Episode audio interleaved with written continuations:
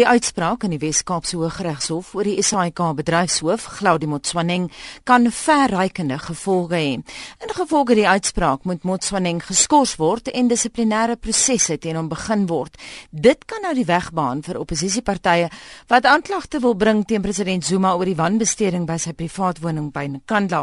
En ons praat nou met die grondwetkenner Emeritus Professor Marinus Wiggers. Goeiemôre Marinus. Goeiemôre Anita. Marinus die SAIK het nou 14 dae tyd om aanklagte teen Motswaneng te bring en om natuurlik te skors hangend ja. die uitkoms van 'n dissiplinêre verhoor. Watter stappe kan hy neem? Wel, hy kan natuurlik in die, in die tugverhoor kan hy natuurlik al die stappe hy kan 'n regsverteenwoordiger kry. Jy sien, uh, Anita die hof kan nie self die tug verhoor hou nie, nê? Maar hulle kan die SAIK beveel om sê nou moet julle opneem en daar is genoeg gronde vir julle om 'n tug verhoor te hou en dit is waar die stadium nou is, maar so en wel uit alle moontlike verweer by soos enige mense in 'n tug verhoor het. Hmm. Maar nou net om die storie verder te vat, daar is nou sprake soos wat ons in die inleiding gesê het van aanklagte teen ander openbare figure, president Zuma se naam word genoem en natuurlik die Nkandla spook wat eenvoudig nie wil gaan lê nie. Hoe haalbaar is dit nou vir oppositiepartye om nou aanklagte teen Zuma te bring, gegee in of liewer in die lig van hierdie uitspraak?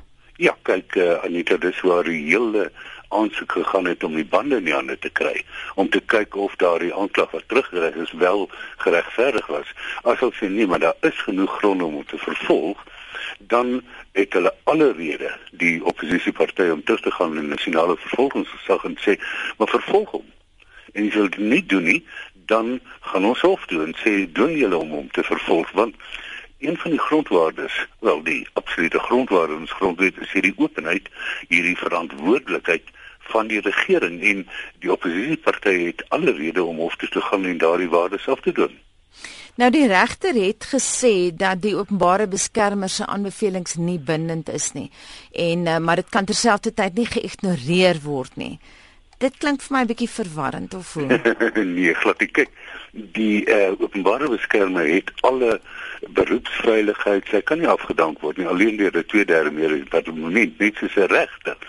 Maar haar uh, bevindinge is nie hofuitsprake nie. Hulle moet opgevolg word en daar in die eerste plek moet hulle deur die parlement opgevolg word. Maar nou sien ons dat die parlement is lam. Hulle hulle tree nie op volgens die grondwet nie. Nou goed. Dan kan 'n hof sê goed, ehm um, die in die hof het baie uitdruklik gesê die persone wat hier betrokke is en die president en die mense wat almal met mekaar te doen gekry het, hulle moet die bevindinge van die openbare beskerming baie ernstig opneem. En as hulle dit nie doen nie, dan sal die hof sê maar julle is nie besig om julle die hele werk te doen nie.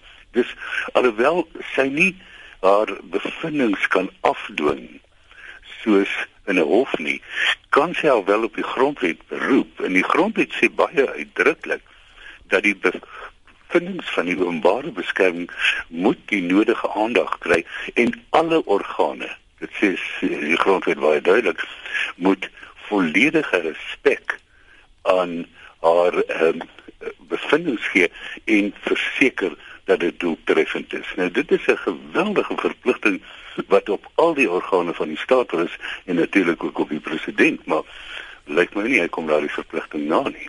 Baie dankie en so sê emeritus professor Marinus Wiggers van Unisa.